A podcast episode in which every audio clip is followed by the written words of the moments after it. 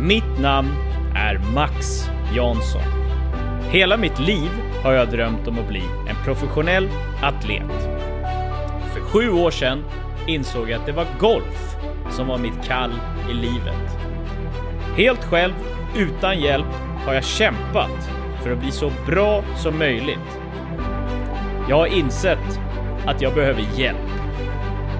Så nu jävlar. Nu jävlar det dags. Med hjälp av Sveriges mest underskattade golftränare genom tiderna, Marcus Jonsson, ska vi nå toppen. Och den här podden, den här podden är för alla er som sitter på en dröm som ni inte vågar satsa på. Den här podden, den är för alla er som vill ta reda på vad det är som krävs för att nå sin dröm.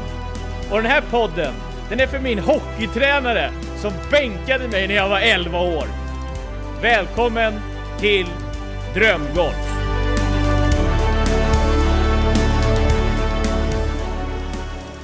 Välkommen till avsnitt 6 av Drömgolf. Idag, det är inte en vanlig dag idag, Marcus. För vi har en gäst med oss idag. Sveriges näst snyggaste hockeymålvakt genom alla tider. Mantas Armalis. Ja, alltså vem är den snyggaste då? Max, det är ju det som är frågan. Eh, eftersom han är klassad som en av de snyggaste i alla fall på marknaden. Det är ju inte Henke Lundqvist som ni kanske spontant tänker. Utan jag ska berätta en sak för er alla lyssnare. Att när jag var sju år till tio år, innan Mange, den jäveln, bänkade mig, så stod jag i mål i hockey. Därav så blir jag den snyggaste hockeymålvakten genom alla tider. Och Mantas nummer två. Välkommen Mantas! Tack så mycket. Vilken introduktion. Ja, du är ju mycket mer än bara snygg också. Du är ju väldigt, väldigt duktig på att stå i mål i hockey. För du är ju ingen, eh, inget golfproffs som man kanske kan tänka sig att man ska med i en golfpodd. Nej, nej, eh, jag är ganska långt ifrån ett proffs faktiskt. Det såg vi ju idag. Ja, men du är ju ett hockeyproffs. Ja, Det är så du tjänar dina deg. ja. Ja, och... Eh, ja, du får gärna berätta lite om eh, vem du är och vart du kommer ifrån. Eh, ja, Mantas Armalis eh, är från Litauen ursprungligen.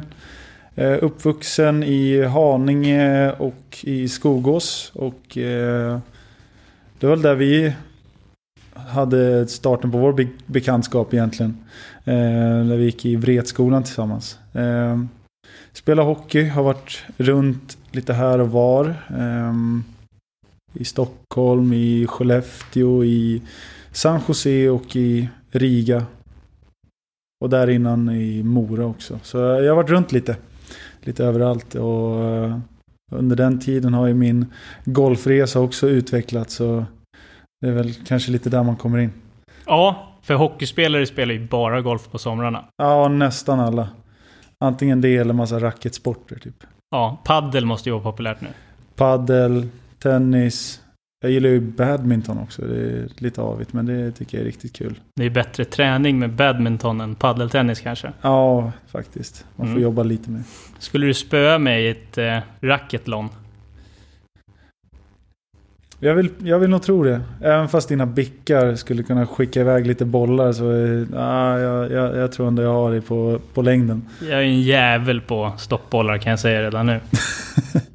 Ja, Alltså, Max tror ju att han är bra på allt, så att det är svårt att veta om han faktiskt talar sanning hela tiden. Men jag tror att ni bägge skulle få åka på duktigt pisk av mig. Det är Oj. jag helt övertygad om. Okej. Alltså jag är ju inte bara bra på golf, jag är jävligt bra på allt annat också.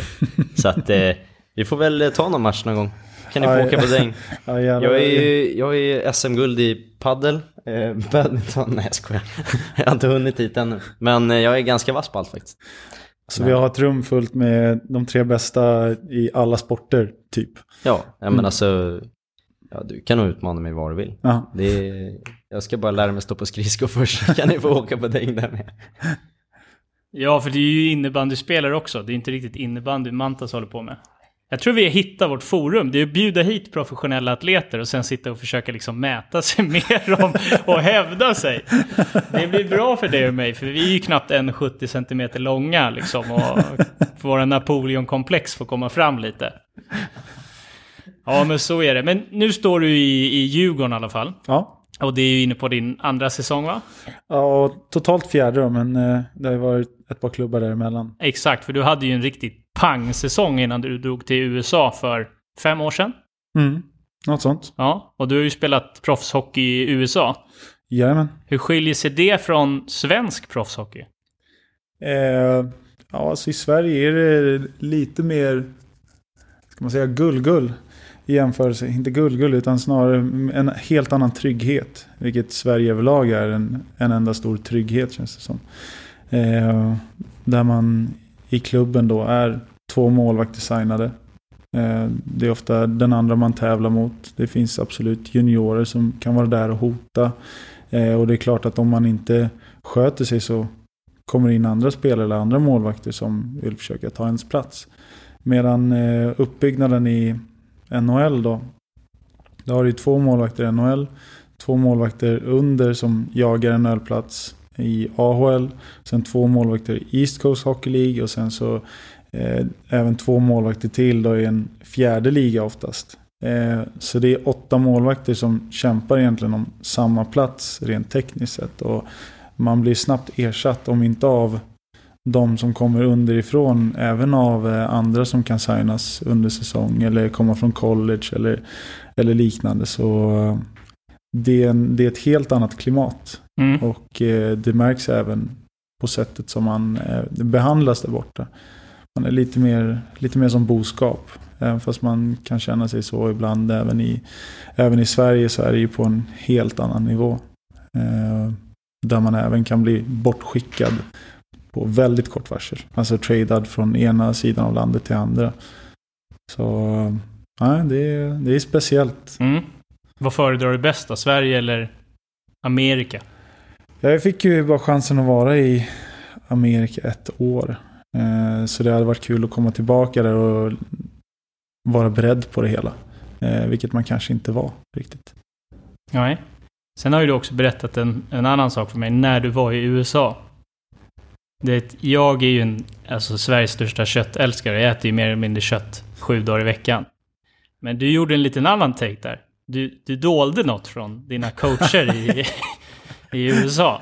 Ja, det, där har ju ändrats lite i storyn känner jag. Ja, men det är jag ganska bra på att ja. ändra. Ja, det var ju sommaren efter som jag var... Eh, jag tror du vill komma till att jag hade lite andra dietära preferenser ett tag. Ja, du var Ja. vegan. Vegan, ja. Ja, inte vegetarian utan full-blown vegan Du gick all out. i tre månader. Slängde alla mina mejeriprodukter, ägg, allting och bara körde grönsaker. Och ja, det blev ju såklart mycket substitut som det blir för en eh, ny låtsasvegan. Ja, spännande. Men vad gjorde att du tog det där eh, beslutet? Ja, det, var, det började ju egentligen som en... Eh, jag skulle syna dokumentären What the Health. Mm. Eh, och då i, alltså i hela, när jag, när jag tittade på den så tittade jag nog på, på den med eh, väldigt vriden syn. Som jag tänker mig att Max tittar på den ungefär. Att eh, det är bara propaganda för, för veganer och naturälskare och, och så vidare. Eh, och sa att nej men det där är ju bara bullshit, det där känns ju helt sjukt att det är så. Och så var det de människor som eh, käkade alltså piller i mängder. Alltså de hade 25 burkar var som de tryckte varje dag för att klara sig, för att kunna gå, för att överleva. Och sen när de hade varit veganer i två veckor så var liksom artros var borta från en kvinna som hon kunde inte ens gå. Hon var uppe och sprang helt plötsligt efter två veckor efter en dietär ändring.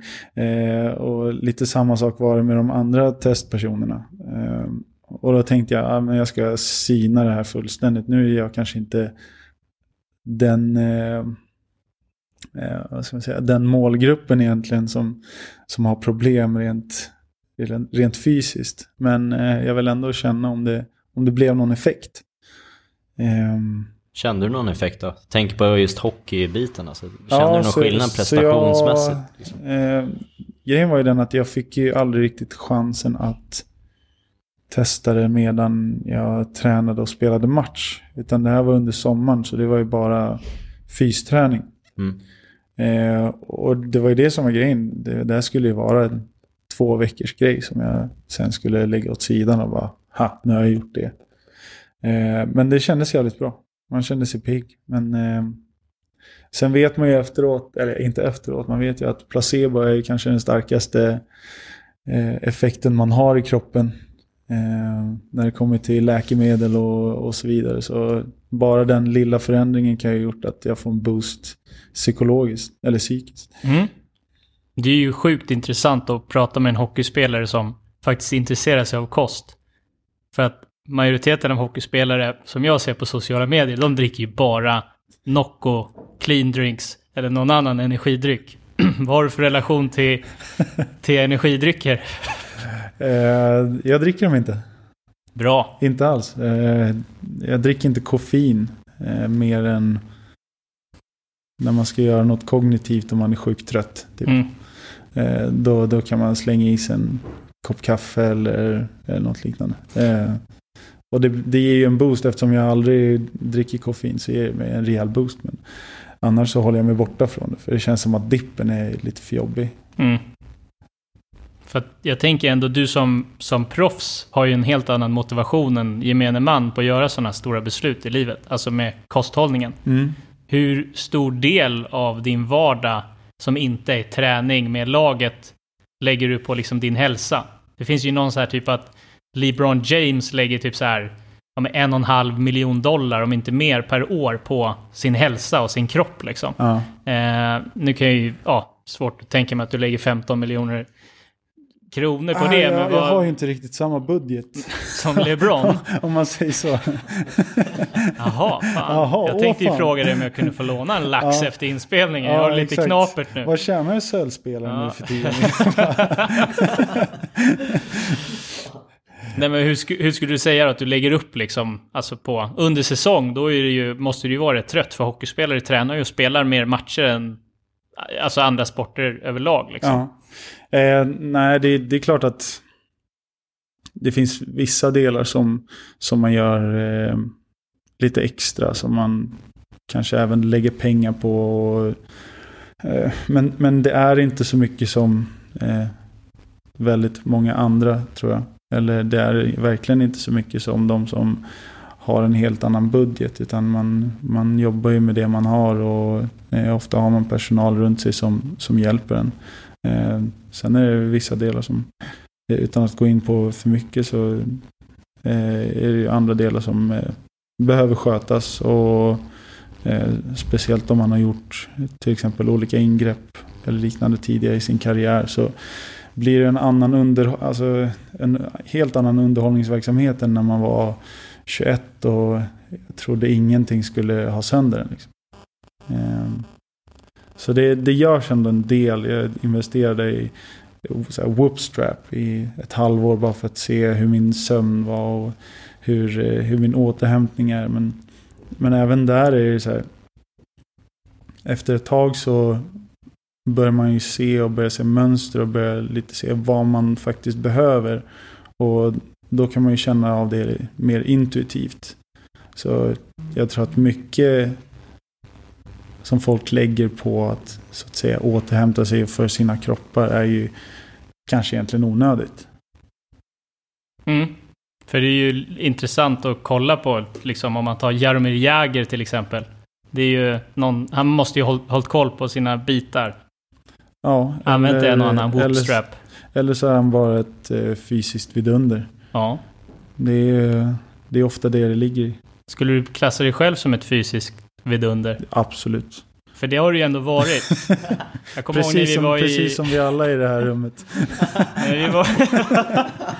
ja, ja, jag och Marcus, vi... Jag vet inte, jag kan inte såga Marcus längre. Jag ser likadan ut som dig. Rödhårig och väger 70 kilo och jag är knappt 1,70 lång. Det är ju tufft för oss alltså. Men jag kommer ihåg när vi var i badhuset eh, med klassen när vi var små. Du ser ju likadan ut i kroppen då som, Ja, ungefär. som nu. Bara att du är lite Eh, större. Jag, jag vet inte om det är eh, positivt eller negativt. Jag har ju ganska taniga armar. Liksom. Det, det ligger fortfarande i. Eh, det är väl bara benen och röven som har blivit några kilo större. Hockeybenen. Ja, Mm. Alltså, jag, jag tränar ju mycket gym och sådär och jag har ju lagt enormt mycket tid, delar av mitt liv, på att ha en, en bra fysik. Men jag har ju inte tränat så mycket atletiska rörelser. nej. Det vill säga att mina bickar är ju större än mina ben. Det är inte så bra. Men det kan ju se bra ut i alla fall. Ja. Jo men man ser ju det ganska tydligt när du svingar också att eh, det är inte så mycket atletiska rörelser i, i, i ditt liv utan det är lite fyrkantigt kanske. Nu har inte jag sett Mantas sving, det har du fått begrunda hela dagen. Vill du, vill du betygsätta Ma- Manta Swing? Ja, jag kan få kika. Det, jag har ju fått göra det på dig en gång. Vad, vad fick du första gången? Fem. Fem, okej. S- Ska du ta den när jag bara nästan skiter på mig när jag ska dra iväg den? Eller vilken, vilken sving tänkte du på? Ja, det är precis det jag ska ta. Ja. Du får tänka på att här, här tar ju Mantas i allt vad han orkar. Han har ju en sjuk svinghastighet. Vad ligger din svinghastighet på? Alltså om du tar i. Eh, 125 miles per hour kanske. Wow. Men då tar jag i. Ja. Ja, Du får en 10 av mig direkt här. För jag kan inte komma upp till 125. Men nu ska vi höra vad coach har Nu ska vi se, nu ska vi se. Det här blir spännande. Mm. Vänsterspelare också? jajamän. Aj, aj, aj, aj. Oh, jävlar. Jag gillar att det är Max som skriker, inte, inte tvärtom. Vi kan få lyssna på det en gång till. lyssna på det här.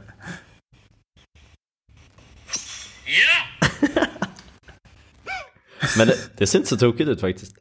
Nej, förutom att jag snurrar runt mig själv i ett varv ungefär efter att jag träffar Jo, bollen. men det är, jag tror att du tar i med hela, Ja, hela paketet. ungefär. Allting ska in i bollen.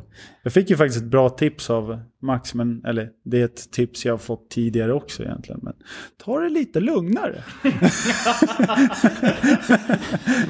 Fantastiskt, du behöver inte ta i hela tiden. Nej. Men alltså, Men, jag, men jag gjorde det idag och fick faktiskt bra resultat också. Det var lite jobbigt faktiskt för en som eh, nästan alltid vill svinga som han hoppar ur skorna. Ja men det, det är väl som allt annat tror jag att eh, det ligger lite tempo i eh, nyckeln. Det är nyckeln för Max och för mig också. Så att, men om vi ska ta betygsätta, det var ju det som Ja, det jag var var det inne på. det Ja, det var det var viktiga. Eh, för att sätta fart i, i golfbollen, ja det är en, det är ett hög, hög 7, 8, 9 kanske till och med. Det var bra. Eh, för att hålla bollen i spel, en 4, 5 kanske. men eh, overall kanske en, en sexa då tror jag. Ja. Sen Max, vad var, det, Fy fan! Det är ju högre än vad jag fick första gången. ja, vad, fick, du- vad fick du? En fyra eller? Femma. Femma? Jag drar nu. Men man måste ju säga så här att man ser att det här är en atlet. Det är inte en uh, gymprodukt som, som svingar iväg. Nej, fy fan. Nu blev jag riktigt jävla sårad. Men sen, så det finns en sport som jag faktiskt... Det här är helt alltså, allvarligt nu. Det finns bara en sport genom alla tider som jag har varit naturligt bra på. Och det att stå i mål. I hockey. Så Ja. att du ska vara jävligt lyckligt lottad att jag inte fortsätter med det. Absolut. Det hade varit ännu en konkurrent från Tronkan som eh, hade bara... Ah, jag, jag, jag vill inte ens veta vad som hade hänt om det hade fortsatt. Nej, Du stod ju lite utanför oss. Vi gick ju i samma klass och alla spelade i Tronka, men du gjorde ju inte det. Du spelade ju bara i så här fina lag, typ Djurgården och, och sån, Ja, såna jag, typer jag av lag. spelade i Haninge väldigt länge. Eh, stor konkurrent. Men när, när började du spela i Djurgården då, när vi var kids? Det var nog i nian där. Jaha, ja. Så U16. Innan, året innan gymnasiet. Mm. Och sen så var det lite debacle med TV-pucken, kommer jag ihåg. Ja. Eh, jag är fortfarande litauisk medborgare. Eh, och jag var det då, ja, då också såklart. Eh, och det ansågs väl vara någon typ av landslagssatsning TV-pucken. Så de tog inte ut några utländska spelare eh, till att vara med. Det är faktiskt många som, om jag, typ när vi har spelat golf, och, ja, vem spelar du med? Jag spelar med Mantas. Eh, vem är det? Typ, ja men Mantas han står i mål i Djurgården eller var det stått. Och då är det många som inte tror att du är svensk. Mm. Alltså att du är från Litauen, liksom Mm. att du flyttar hit för att spela hockey. Får du möta det mycket? Alltså bland hockeyintresserade också? Eh, jag tror framförallt när jag var i Tranås faktiskt och spelade division 1 där. Mm. Så var det jättemånga som pratade engelska med mig. hela tiden. Eh, men även så sent som när jag kom till Skellefteå så började materialarna prata engelska med mig till, till en början. Och då har jag ändå spelat i SHL och eh, gjort en hel del intervjuer på svenska i, ja i och för sig då hade jag spelat i två år, men jag är ändå uppvuxen i Sverige. Ja, det är lite avigt. Du, hur säger man ska jag slipa dina skridskor på engelska? Do you want me to sharpen your skates or what? Vad säger du då? då? Ye- Yes? Eh, Eller- eh, ja tack, det går bra. Åh fan, kan du svenska? Jag trodde du var från Litauen alltså! Ja, Det var en bra materialröst där. ja. Ja, men det är ju lite kul. För du spelar ju i Litauens landslag, eller har spelat i Litauens landslag. Ja. Ja, ja, det gör jag fortfarande. ja, det är ju häftigt. Ja, det är kul. Det är framförallt eh, Pärnen som, som känns att eh, det blir en liten stolthetsgrej där. Mm, men det kan jag tänka mig. Men, men vad, hur ofta liksom spelar ni VM och... Ja, ja vi, vi kallar det VM, men det är mer som VM-kval Ja, kan man säga. Eh, en rak serie som eh, där de, där det vinnande laget går upp ett snäpp och det förlorande laget åker ner ett snäpp. ja men det är ju riktigt ballt. Själv har man ju aldrig representerat Sverige på landslagsnivå. Men eh, jag kanske kan spela i H50-landslaget sen. Alltså, det är ju ändå 20 år dit. I, i hockey I, eller? i golf, i golf. Ja men alltså det är skönt att du satsar långsiktigt liksom. Men vadå, fem, H50? Du har ju precis fått börja lira liksom H25. Det är 25 år dit. Men eh, du ska ju till Challenge-touren nu, då kanske det blir landslagscoacherna börjar ringa. ja, det är ju sant. Eller? Vad tror du? Det var ju OS-uttagningar. Jag blev ju riktigt besviken när de tog... När Norlander knäpp, knäppte andra platsen före mig. Får ju ringa till SOK där och fråga vad fan det är frågan om borta Faktiskt. ja, på Olympiska kommittén. Ja. En annan sjukt intressant grej. Eh, ni kanske inte förstod det i början, men jag var ju faktiskt ironisk när jag sa att jag var den snyggaste hockeymålvakten genom alla tider. Du skulle ju ändå kunna klassas som den snyggaste hockeymålvakten genom alla tider. Alltså den svenska. Och då har vi ändå Henke Lundqvist, din, han är stilig. ja, han är stilig. För du har ju fått betalt för att se bra ut. Ja, det, det har jag. Du är ju en gammal Versace-modell. Till och med det. Det är ju häftigt. Ja. Berätta lite om det. Var det bara någon som såg en bild på dig och bara tänkte så här, this guy, this guy is, this guy is the real deal. This is a handsome guy. Ja, det Would you det- like to go in the catwalk for Versace Donatella? Come on guys. Det, det var typ så. Ja. Eh, in, inte, inte riktigt exakt men... Eh, eh, nej, men när jag slutade gymnasiet så eh, kunde jag inte leva på, på min hockey riktigt än. Eh, utan var tvungen att hitta någon, någon form av arbete. Eh, började jobba i en klädbutik i Mora. Samtidigt som jag spelade i Moras J20 där. Eh, och då av en händelse var det en säljare från Filippa K som var uppe och eh, var uppe på en typ leverantörsfest. eller Något liknande. Och han hade varit modell så, så fick han syn på mig och sa till min chef bara Fan din eh, säljare han ser bra ut. Han skulle kunna bli modell. och så var, ja, sen var det det. Jag hörde av mig till honom. Eh, signade med Stockholmsgruppen och två månader senare stod jag i Milano. Och gjorde mitt första jobb som modell på gatorna i Milano. Liksom. Ja, det var riktigt sjukt. Det är det som är så sjukt. Det var verkligen på ett bananskal man bara hamnade på toppen. Typ. Ja, för det är ju det är ett av världens största modehus, är det inte? Ja, absolut. Nu äger ju varken jag eller Marcus mycket Versace-kläder, men vi har ju koll på varumärket. Men du sa så, bli, bli behandlad som boskap lite i USA. Ja. Där måste det ju verkligen varit boskap, Eh, eller? Det är ju lite ytligare boskap. Eh, och ja, eh, på, på det är det ju på ett sätt. För jag åkte till Milano och skulle egentligen göra Calvin Klein. Kom jag dit och de har flugit in mig och jag ska då göra casting och testa kläder och sådär.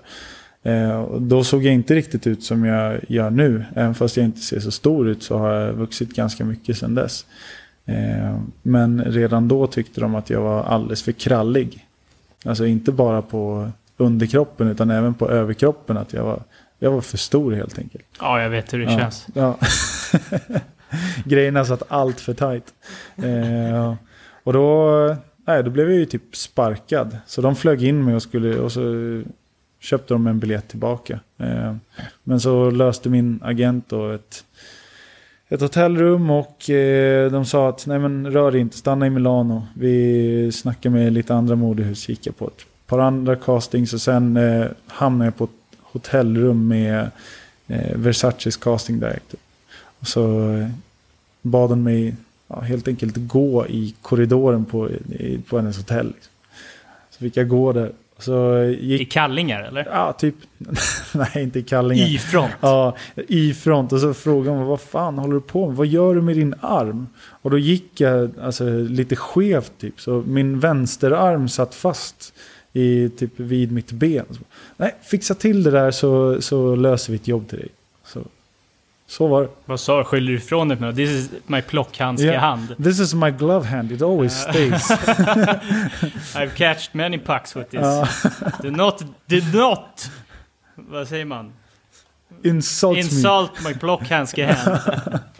ja men fan, det är ju häftigt ändå. Jag har Ja. för mig att du träffade någon eh, annan snygg keeper på någon efterfest. Gjorde du inte det? Jo. Eh, det var ju typ andra eller tredje säsongen man var där. Då träffade jag faktiskt Henrik Lundqvist. På, eh, ja det var väl eh, klubb eller något liknande. Fick panik. Ja, Jag har aldrig varit, alltså jag har aldrig känt mig starstruck. Alltså vi hade liksom Anakin Skywalker på eh, Donatella Versaces efterfest. Liksom. Det, det var ju skitcoolt men det var ingenting sånt. Och, eh, sen träffade man honom och jag insåg att min telefon har slut på batteri. Jag måste hitta någon av mina polare som tar en bild på oss. Stanna här. Och så sprang jag runt som en galning för att hitta någon som jag kände. För att sen lokalisera honom igen och ta en bild. Eh, det var, det var, det var sjukt kul. Had, vad hade du på dig Versace-kläder? Alltså typ så här, sprang runt i V-kallingar och bara... Ja, det är väl det man oftast gör. Ja, jag vet inte. Jag är inte så snygg som Jag, jag, jag vet tror. inte vad du har för bild av hela den här industrin. Nej, jag tänker jag gillar ju att måla upp roliga liksom, scenarion i Ja. huvudet. Ja, Så att om- du berättar det här för mig nu så kommer jag ju återberätta det här för mina kompisar på ett Mm. helt annorlunda sätt. Jaha. Så att eh, var inte liksom förvånad om det kommer någon så här 30-årig knegargrabb från Tronkan som har en helt annan bild på hur du träffar Henke Lundqvist. Men nu kanske det blir officiellt här när du får prata själv hur Ja. du faktiskt var. Ja, och sen tror jag att Max, han står ju framför spegeln hemma och inbillar sig hur det var att gå där Milano.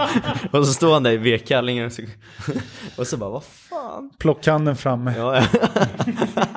För det, det är ju så, när man är, är man gammal keeper så är man gammal keeper. Det kommer man aldrig ur den. Plockhan, handsken är ner där framme Ja. hela tiden. Jag har ju faktiskt opererat min vänsteraxel nu så att jag vågar inte fånga grejer. Alltså ärligt. Om du skulle kasta en boll till mig nu på vänster sida så skulle inte jag försökt plocka den. För att min axel hoppar ju led så många gånger så att det blir liksom traumatiskt. Okej. Så det är egentligen synd om mig. Så sluta retas nu grabbar. Det är inte kul. Okej. Okej då, förlåt. Okej. Men eh, det är ändå spännande att se att eh, du har kunnat livnära dig på hur det ser ut också. Det har inte vi lyckats ännu med. Inte ännu. Men, men eh, vi livnär oss snart på våra röster kanske. Ja, Ja, nej, jag vet får inte. hoppas. Eller förhoppningsvis att andra pratar om oss istället. Ja, vi får se helt enkelt. Det är ju faktiskt Challenge-touren som är målet. Och eh, alltså jag tänker, har du någon, liksom, är Henrik Lundqvist din största liksom sportsliga idol? Eller har du någon annan? För att jag brukar ju liksom se upp till atleter. Jag ser ju upp till Brooks Koepka väldigt mycket, eller gjorde när han vann alla majors. Och liksom blir helt fascinerad över hur man kan ställa sig in och bara, och bara vinna. Eller typ när man kollar Chicago Bulls-dokumentären, hur Michael Jordan var, eller Kobe Bryant, eller vem har du som idol?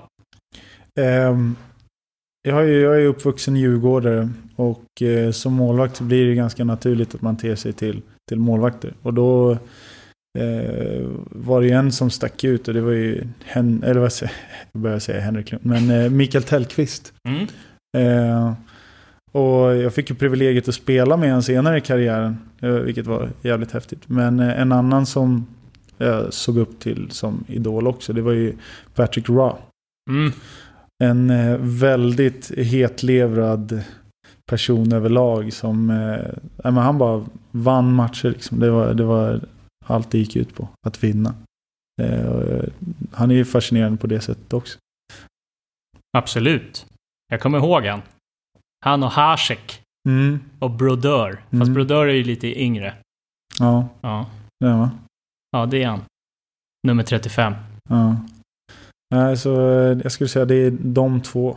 Ja, och det är klart att man tittar ju väldigt mycket highlights på Hasek. Och Hasek var ju riktigt stor där ett tag. Och eh, en av de bästa som någonsin gjort det. Och kanske revolutionerade hock alltså, hockeymålvakten på många sätt och vis. Mm. Och jag tänker, det man fascineras över, det är ju mentaliteten, tycker jag. På, liksom, de är ju begåvade fysiskt liksom och kan röra sig på ett coolt sätt. Men det är ju någonstans mentaliteten som särskiljer atlet och atlet. Mm.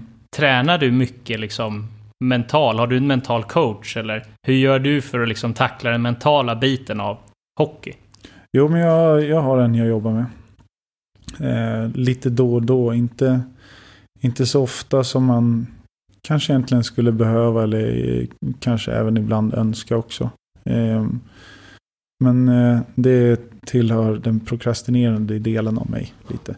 Eh, men också så är det ju alltså ett dagligt jobb egentligen. Speciellt när man är inne i säsong. Alltså när man, varje, varje dag man spelar match eller när man ska processa en match eller när man ska förbereda sig för match så är det ju någonting man gör dagligen. Eh, och sen hur man, hur man löser det, ja men det är ju det är ju säkert det är väldigt olika från person till person och hur man även förbereder sig för det är ju olika från person till person. Jag har ju lite eh, YouTube-syndrom egentligen på allting jag gör.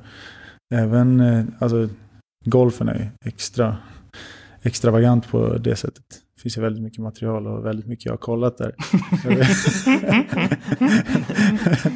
Men eh, till och med när det kommer till alltså, mental träning så finns det ju eh, en del bra grejer man kan lära sig. Sen är det ju precis som med golfen att vissa delar kan ju vara väldigt missledande också. Alltså det är kanske inte det här man behöver och det här kanske inte passar en själv. Men där får man ju testa sig fram lite också. Ja, för du, anledningen varför vi skrattar lite, det är för att Mantas, när, när jag sa upp mig från jobbet första gången, så var ju Mantas ledig hela den sommaren från hockeyn. Så vi spelade ju jättemycket golf. Ja.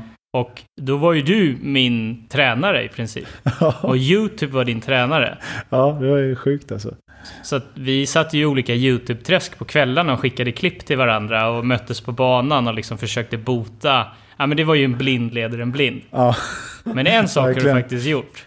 Är, du, du är den som har lärt mig hur man slår ett bunkerslag. Att man ska öppna upp klubban och liksom använda bouncen i bunkern. du ser, vissa grejer fastnar. På ett bra sätt. Så det här är min första tränare, Marcus. YouTube-mantas. YouTube-Mantas Handicap 22. Jag som trodde jag var först alltså. Tog oskulden på att träna dig. Men det visade sig att det, det var YouTube och Manta som gjorde det först. Det, det är bra. Men, jag, vill, eh, jag vill ju se mig själv som någonting av en eh, golfguru. oh. Till rätt personer. Men Max var inte rätt person. Jo, jag lärde honom ett och annat. Du ser, han börjar bli duktig nu. Jag vill ta åt mig lite äran. Ja, det, tror jag, det tror jag säkert. Jag tror att Max eh, gärna släpper från sig äran själv. Det verkar han göra hela tiden. Men eh, det är väl det. Men jag tänkte just den här mentala biten. Jag har en liten fråga. Mm. För att, eftersom, eh, vad tror du är liksom skillnaden på... Alltså för Max mentala styrka just nu i golfen är inte där den kanske borde vara. Nej. Eh, men med tanke på hur det gick på Torshälla. Eh, då var det väldigt pappsyke liksom. Hur, eh, liksom, tror du att du sticker ut från andra målvakter igen, mentalt eller är det tekniskt eller är det fysiskt eller är det, Eh, är det bara att du ser jag, bra jag ut som vill, gör att eh, du... jag vill tro att min, mitt utseende är väldigt skrämmande för mina motståndare. Eh, framförallt, de känner det där vill vi inte skjuta på för Fast det kanske inte är bra heller. Att, att, inte, vill, att inte vilja bli skjuten. Jo, det är kanske tvärtom. De vill skjuta på mig. För fan. Nej. Eh, jag vill tro att eh, jag är stark psykiskt. Eh, och jag tror att jag har en fördel jämfört med vissa. Men sen så mycket det som ligger i att vara stark psykiskt är också väldigt mycket repetition. Och väldigt mycket att sätta sig själv i, en, i ett säte där man inte behöver tänka. Eh, och jag har ju följt eh, den här podden ganska mycket, eller hela vägen hit egentligen. Mm. Och, och jag hör ju väldigt mycket som det här träsket som man själv kan sätta sig i, i det, det tekniska träsket. Där en av mina målvaktstränare, jag har haft ett gäng nu eh, och alla är väldigt olika. Men eh, en av dem hade ett uttryck som man använde väldigt mycket. Och det var eh, paralyzing by analyzing. Och det ligger ju väldigt mycket i det att när man analyserar för mycket och man sätter sig i den sitsen när det sen brinner till. Då funkar ingenting. Och då blir det de här små eh, millisekunderna som krävs. Alltså, kanske mer i en sån reaktionssport som hockey. Där om jag ska göra en specifik räddning som jag har tränat på väldigt mycket men den inte riktigt sitter och jag börjar tänka på det. Då sätter jag mig själv i det sättet att det kommer ta lite längre tid att ta mig dit. Och det är det som kan vara skillnaden mellan ett mål och en räddning. Eh, men jag kan tänka mig att det är väldigt likt i golfsvingen också. Alltså allting ska ju ske per automatik om du börjar tänka på att du ska releasa händerna samtidigt som du ska vrida pelvis på ett visst sätt. Då tror jag att då blir det inte bra. Nej. Utan det ska bara ske per automatik. Nej, men det är ju det, är det som vi, vi gick in inför, om vi nu pratar Torshälla till exempel. Att vi sa ju det att nu har det ju varit väldigt mycket tekniskt. Och det, mm. det kanske behövdes just nu, men det går ju inte att spela på det sättet. Det är ju precis samma problem som börjar du slå ett, ett slag åt höger på första hålet, då börjar man kanske... Är man liksom starkt mentalt och känner bara okej, okay, men det är för att det var lite halv knackig timing liksom. Det fixar jag till nästa. Mm. Men är man inne i teknikträsket då börjar man säga okej, okay, vad var det? Var det högerhanden som inte kom ikapp nu? Eller var fan nu var jag för snabb med höften. Och så börjar man tänka så blir det liksom stelt. Mm. Och blir man stel i en rörelse då blir det ju sjukt svårt att få ut någonting av det. Säkert samma sak som du pratar om. Vad jag upplever i alla fall när jag spelar golf. Mm. Så jag tror att, jag tror att eh, min, min lilla o, liksom professionella tanke på det här så är det ju eller jag har inte liksom forskat i det på något sätt, men jag skulle säga att de flesta sporterna är väldigt lika i, kanske inte det fysiska, men i det mentala. Mm. Att den som har bäst inställning och den som har bäst tro på sig själv lyckas ju oftast längst hela vägen. Mm. Och det märker man ju om, om jag och Max går ut och spelar mot varandra, då tror ju han mycket mer på sig själv då än om man går ut och spelar generellt ut och tävlar mot alla andra. Och det, det är kanske någonting som har med det att göra, eller vad tror du? Nej, jag, jag håller med er. Det är sjukt intressant att prata om. För att jag och Mantas har ju spelat 18 hål innan vi spelade in podden. Och jag sa till dig på första tee att alltså, jag spelar riktigt bra från tee just nu. Mm. Och när vi spelar så spelar jag ju riktigt bra från tee idag. Det var inte mycket alltså, som inte var i spel. Och så sa jag även att jag puttar väldigt dåligt. Ja, det, var, det reagerade jag faktiskt på idag. Äh. För jag, innan, innan jag kom hit så lyssnade jag på om det var förra avsnittet eller om det var fjärde. Då, då du sa att det är väldigt många som kommer till ett hål och säger hur dåligt det här hålet är, hur jobbigt det här hålet är och hur det alltid går åt helvete. Ja. Och att man, som du säger, lite bekräftar det för sig själv och att sätta, det, sätta ord på det innan man ska ut. Då, det är som en självuppfyllande, vad heter det, självuppfyllande profetia mm. egentligen. Och det var lite det du, där du satte dig själv också. Ja men 100 procent. Och det sjuka är att jag är medveten om när jag säger det, vad jag håller mm. på med. För att jag har även sagt i den här podden att man inte ska göra det. Mm. Och det var precis det som hände. Jag puttade som en gud idag. Ja. Nej, det var nog fan inte under 40 puttar idag. Men liksom, jag skulle inte säga att jag är i ett puttträsk just nu för att det kan varva lite. Jag har inte tränat överdrivet mycket puttning så det blir väl att man automatiskt skyller ifrån sig innan man har gjort det, vilket inte är bra. Men när du är i träsk, Mm. som du måste ta dig ur, det kan vara vad som helst liksom, att det inte känns bra. Har du något tips då? Från ett proffs till ett framtida proffs? Eh, ja, alltså ett tips är väl att när det går bra, när det känns bra, att då analysera. Vad är det som gör mig bra just nu? Varför eh, alltså slår jag så bra? Varför puttar jag så bra? Har det med tekniken att göra eller är det bara ett allmänt mindset? För det här flow state som alla snackar om, det, det är ju sällan, alltså det är klart att det ibland kan vara en slump, men det är ju sällan en slump. Utan det är ju oftast eh, tack vare hård träning, bra timing och eh, eh, även att allting ska klaffa. Mm. Eh, och sen, ja, när man väl är i träsket, alltså, det beror på om det är mitt under en tävling. Alltså, jag, jag tror att, att förankra sig i någonting är väldigt viktigt. Andning kan vara en sak. Att bara tänka på hur du andas.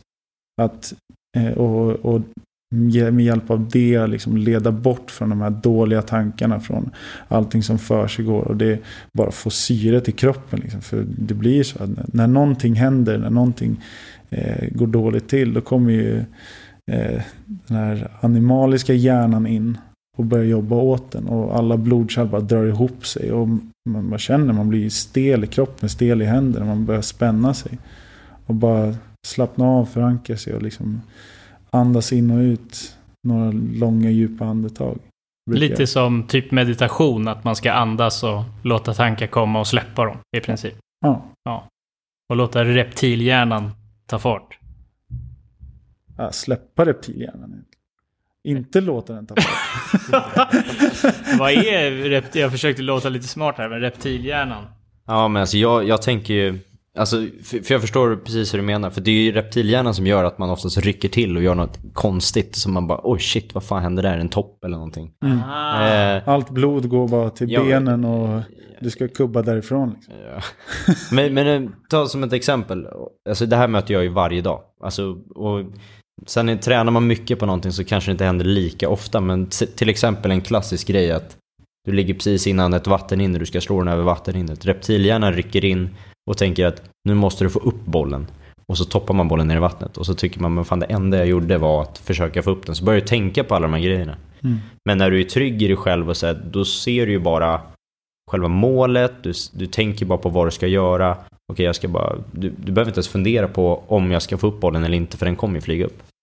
Men Mm. det är ju precis säkert som i, ja, viss, många räddningar blir du säkert förvånad av själv när du spelar hockey. Bara, Åh just fan nu gjorde jag det sådär som jag har stått och tränat på, men Mm. jag tänkte inte på det, utan det bara kom av sig själv. Exakt. Då är du inne i den här, en mental styrka eller flow state, eller Mm. troligtvis. Och det är där man vill vara så mycket som möjligt. Mm. Och jag, alltså, jag vet inte hur många sådana här elitstjärnor man har lyssnat på som alla säger att ja, men man måste jobba med typ meditation eller mental träning och andas och så vidare. Men det är väldigt få i golfens värld som oavsett nivå som faktiskt jobbar med det. De jobbar sjukt mycket på det tekniska. Mm. Men jag känner alltså tusen stycken som svingar snyggt och slår bollen över 300 meter. Men de tittar jag inte på på tv. Och sen Mm. har man de som är lite mer mentalt starka som faktiskt lyckas lite mer. Typ skillnaden på min, min, min lillebrorsa, det är det. Är det. Alltså jag, vi slår ju bollen typ lika bra, men han krossar mig om vi går ut och tävlar. Även fast jag inte vill erkänna det egentligen kanske. Men nu gjorde du precis det. Ja, jo, det är okej. Men, det. men han lyssnar inte på den här podden. Jag On live TV! Jag vet ju för fan inte vad reptilhjärna är, så att det var inte så skämmigt. ja, men sjukt intressant. Jag tänker på, om vi fortsätter lite på den mentala aspekten. Så är ju hockeymålvakter, eller målvakter generellt, men just hockeymålvakter är notoriska för att vara årets psykfall. Hela bunten utav dem. Men du är ju, du, du är liksom lugn, sansad, intelligent. Vad gömmer sig bakom fasaden, Mantas? Jag blir inte förvånad om det kommer ut en dokumentär snart och den inte är så pretty alltså. Nej. Nej, det är, jag vet inte. Eh, jag, jag tror att, ja, det är klart att hockeymålvakter, många av dem eh, kanske ja, vi kanske har fått lite dåligt rykte. Ja, Eh, mycket, mycket ligger i det. Men eh, det mesta är bara att eh, målvakten är lite annorlunda. Sen kanske krävs lite att ställa sig där och ta emot de här gummipuckarna i över 100 km i timmen varje dag. Men eh, ja, vi är bara annorlunda. Vi har ett an- annat mindset. Det är synd om er. Ja, Mm. jag tycker det. Vi, Ja, Jag känner igen mig med det du säger. Alltså, jag är ju också gammal keeper. Jag känner ju det här i Ja. min kropp. Jag sitter ju med två psykfall här egentligen. De, är, Ja. de spelar ganska ordnade här. och du är helt frisk. Nej, jag är helt frisk. Jajamän. Jag är golftränare. Ja, bäst i hela världen på allt. Ja, ja, ja, men jag säger det. Kungen i sitt egna Ja. kungarike. Sverige, Det- det är så det är, Är, det är är, det, är det Sveriges eller världens mest underskattade golftränare? Jag blev, jag blev ställd här nu. Det- Jag tror jag säger Sveriges mest. Nej, världens. Världens. Det är världens. Ja. Ja. Ja, vi satsar ju inte på svenska touren. Vi satsar ju på eh, Challenge-touren. Det är ju Precis. Internationellt. internationellt. Ja. Ja. Ja, det är stort. Mm. Ja. Men eh, ja, det är ju mycket lärdomar från dig. Jag tänkte, har du någon så här centrerad lärdom som du har haft under din karriär som hockeymålvakt som du liksom alltid kan gå tillbaka till och tänka just det? Eller någon sån här livsförändrande lärdom som du har fått av, ja vi säger någon av dina idoler eller Donatella Versace eller vad fan som helst. Eh, ja, eh, det, det har jag faktiskt. Ehm, det var ju när jag spelade i gymnasiet egentligen eh, i J20 och det kändes som att jag hade vissa matcher som jag var skitbra men väldigt många matcher var så här. Ja, det var väldigt upp och ner hela tiden. Och det är klart att man fortfarande har upp och ner. Man är inte på sin topp och sin peak hela tiden. Eh, men på den tiden var det alltså väldigt eh, Ja, det är extremt omständigt och, och svårt att liksom hitta en stabil nivå som man egentligen behöver från en målvakt. Och framförallt en, en första målvakt om man ska lyckas klättra uppåt. Och då var det väl någon gång som jag kände att, att min målvaktstränare hade ju varit på mig i flera år att du måste göra jobbet, du måste göra jobbet, du måste liksom kriga, du måste Eh, verkligen träna hårt och göra det seriöst och göra allting, hela paketet för att ta dig någonstans. Man kan inte bara leva på talang. Och talang i sig är väl ja, egentligen överskattat. Mycket handlar om, eller tror jag, eh, mycket handlar om repetitioner tidigare och vad man har gjort under eh, alltså sitt tidigare liv när man varit ung. Eh, och till slut så följer poletten ner efter allt det där tjatet från min målvaktstränare och när jag faktiskt började göra jobbet. Det var då som jag började på något sätt klättra i min resa eh, som hockeymålvakt. Eh, och även som person också. Alltså, eh, jag var ju extremt oseriös under gymnasietiden. Med allting. Mm. Förutom World of Warcraft. Typ. Där var du, där var du grym. Ja. Du kanske var lite för bra på, på det. Ja. ja, men det är ju jätteintressant. Det är ju alltid skönt att ha någonting sådär att gå tillbaka till och liksom förankra sig själv i när det, när det börjar gå dåligt liksom. En Mm. bra grund att stå på. Mm. Ja, men eh, bra. Vi har ju spelat golf idag. Ja, Vad blev det i matchen egentligen? Ja, jag hade ju ett upp inför sista hålet. Sen chokade jag ur fullständigt och skickade ut den i skogen. Sen såg jag väl skyltar från Marcus där uppe. och- Som tipsade om att jag skulle ta lektioner. um, nej, så det slutade väl all square va? Ja, eller All Squarito som man säger i Mexiko. Det var ingen drömgolf direkt, men eh, det var kul. Det var riktigt kul. Ja, alltså jag, jag hörde faktiskt på träffarna, man, jag var nere på övningsområdet bredvid och så hörde jag två stycken liksom bra, bra drag i grejerna liksom. Så hör man liksom lite trärassel efter ett slag och så tänkte jag det där kan nog vara fan vad de alltså jag, jag skulle gissa på att Max han vågar inte putta ut något hårt här från 10 utan han, är det tajta då kommer han bara lägga ner någonting och så hör man bara upp i, upp i trärasslet så att direkt så såg man när de gick ner från fairway att den ena gick upp i skogen och den andra gick ner mot fairway. Och eh, ja, nu Mantas var den som fick se skylten uppe på, Mm. på höjden i, i skogen på nummer Men jag- 18 på Men August. jag hittade ju sex bollar så... Det gjorde du. eh, Jag såg ju inte skylten för det var inte så att jag hjälpte till att leta på sista hålet när man Nej. är ner. Nej, Det är verkligen lite psykningar. Men eh, det räckte, eller hur? För att ta igen eh, fighten i alla fall, så att inte du torska. Det hade varit lite pinsamt att sitta Ja, här och, varit lite pinsamt. med en gäst och inte ens kan spöa honom och sen ska du till Challengetouren. Ja, men vad fan, man kan ju inte vinna över gästerna innan man ska spela in. Det blir ju skitdålig stämning. Tror du jag puttar dåligt med flit eller? Ja, det verkar ju så ibland. Man börjar undra om du verkligen vill till Challenge-touren eller om det bara är någonting du sitter och pratar om, om, om, om varje vecka så här. Men eh, jag tänkte bara en fråga. Mm. Eh, var, vart ser du själv om fem år? I karriären eller i livet? Och vad gör du? Mm, ja, förhoppningsvis spelar man ju fortfarande hockey. Eh, gärna utomlands. Det är det som är målet. Eh, sen var det är någonstans, alltså ja, man, det är klart att man vill spela på, på högsta nivån men eh, samtidigt vet man, man är inte en young gun längre. Och det är det de attraheras av där borta. Eh, så ja, vi får se. Helt enkelt. Det är ja, hockey utomlands. Ja, jag tror på det i alla fall. Eh, och eh, scratch golfer. Ja, scratch-golfer. Jag tror att du kommer vara scratch-golfare. Jag tror att ett NHL-kontrakt bara knackar på dörren. Jag menar, kolla på Viktor Fast. Han slog igenom som 28-åring. Hur bra gick det inte för han? Kolla på Max Jansson. Han satsar på att bli torspelare när han är 28. Och någonting som jag vill säga till alla er där ute som lyssnar på den här podden, och även dig Mantas. Ge fan aldrig upp. Det kommer alltid finnas en möjlighet att lyckas. Det kommer alltid finnas en möjlighet att lyckas. Jag vet inte om jag försöker intala Mantas eller mig själv här, så att det liksom... Quotes. Ja. Quotes alltså. Jag tror eh, Arnold Schwarzenegger sa något sånt någon gång.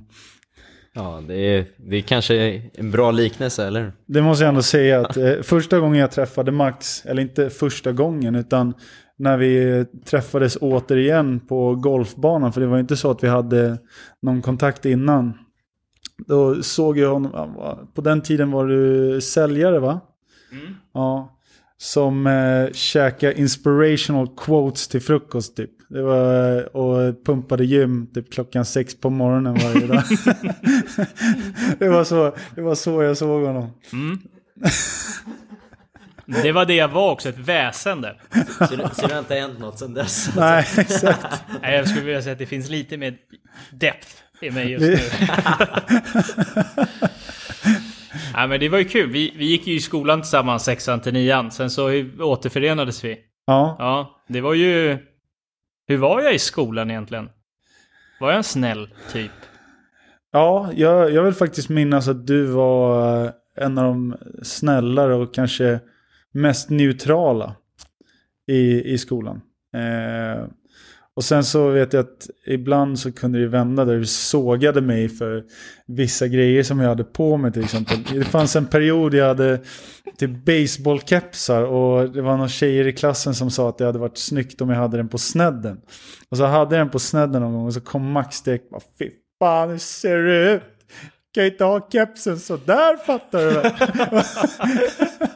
Vem fan tror du att du är? Ja, nej det, det låter som jag. Alltså, det lå, låter som jag. Jag, jag, hade, jag har ju fortfarande det. Men det, det blir väl så när man är uppväxt med liksom en storebrorsa. Ja. Då får man ju liksom, om man blir illa behandlad hemma, då måste man ju släppa lös det på sina klasskamrater. Så, har du kepsen på sned nu? Nej, Nej. Det, det har jag inte. Exakt. Tack. Varsågod. Jag har inte skinny jeans heller, det vet jag att jag fick skit Men det för hade också. jag också. Jag Ja. köpte ju så här cheap Monday. Jag var ju skater på den tiden. Jo, men jag tror det handlar om att jag var och köpte ett par jeans som var väldigt low waist av någon anledning. Jag Mm. tror att det kan ha varit tjejjeans fast inte jag visste om det. Nej, Jag fick skit för det. bra stretch i dem dock. Ja, Ja, du kör ju fortfarande tajta byxor. Eh, har du köpt några nya byxor nu? Nej, men däremot så har jag gått ner 8 kilo. Så, så det är lugnt nu? Du har löst hela problemet? De ju fortfarande tajta. Då tänkte jag så här för 8 kilo sen, vilket var tre månader sen, så hade jag ju samma jävla brallor. Hur fan såg det ut? Varför säger du inte till mig för? Jag ville vara snäll nu i början, så här. jag ville se hur det skulle gå till. Men eh, ja, det kanske är så. Jag vet inte om Mantas går runt i så tajta golfbrallor på banan. Ja, Nej, idag är det, de, de, idag är det undantag. ja, idag är det Det shortsväder. är ju shortsväder. Eh, nej, men det är väl så. Max vill ju ha en väldigt transparent vänskap som man säger precis som man tycker. Ja, det, det, det är nog det det ligger i. Mm. Ja. Nej, det, gör, det är ju viktigt. Alltså att man har en ärlig dialog om allting i Ja. livet. Ja. Ser svingen bra ut? Säg det till mig. Ser den inte bra ut? Säg det till mig. Har du kepsen på sned? Säg det till mig. Det är lite så det ska vara. ja, Så att man inte går runt och bara är ja-sägare hela tiden. precis. Nu har jag inte kollat på en enda hockeymatch tror jag, som du har spelat, så jag kan inte messa eller ringa dig efter. Bara fy fan vad dålig du var! Men jag kanske ska börja göra det. Eller för fan vad bra du var för den delen också. Ja, ja. För att, Nej, men det kan hjälpa mig. vad ligger räddningsprocenten på i år? Jag vet inte vad den slutar på. Strax under 92 tror jag. Det är skitbra ju. Så sköter 92 slag då på banan också. Ja, 89. 89. 89. 29 pinnar. Woo! Ja, det är fantastiskt. Men eh, jag tänkte bara, då kanske ni två ska fortsätta göra det ni, eller lyssna på Mantas visa ord där, att alltid göra, göra arbetet hela Mm. vägen. Mm. Jobbar man hårt, krigar på, så kommer man nå dit man vill. Det tror jag i alla fall. Jag tror inte att det går att göra det via någon talang eller någonting. Som Nej. du sa. Nej. För att det har inte Max, så att annars är han ganska Nej, fy fan. Men eh, jag arbetar hårt i alla fall. Det gör du. Ja, men jag tänkte att eh, vi eh, avslutar där. Mm. Idag är det Sverige-match. Och vi måste gå och kolla på Sverige-matchen. Så är det. Och vi tackar eh, så hjärtligt för att du ville vara vår första gäst. Tack för att jag fick komma. Det får komma igen om du vill. Eh,